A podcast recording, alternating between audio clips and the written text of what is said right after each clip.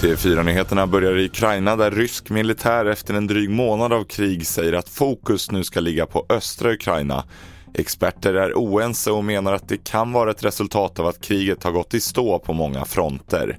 Utrikesreporter Jonas Källgren på plats i Warszawa i grannlandet Polen berättar hur ukrainare har reagerat på det här. Där ser man det förstås som en liten delvinst kanske, att man har visat Ryssland att de inte kan kunna ta några av de större städerna i norra Ukraina. Men man tar det också förstås med en stor nypa salt. Eh, vissa är oroliga för att Ryssland kanske säger att de ska fokusera på Donbass och sen försöker man ändå storma Kiev senare. Mer om utvecklingen i Ukraina på tv4.se.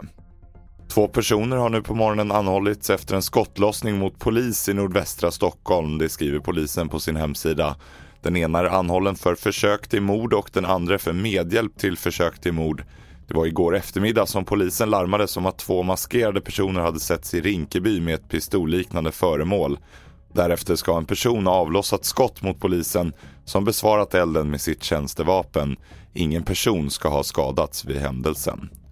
Fler nyheter finns på tv4.se. Jag heter William Grönlund.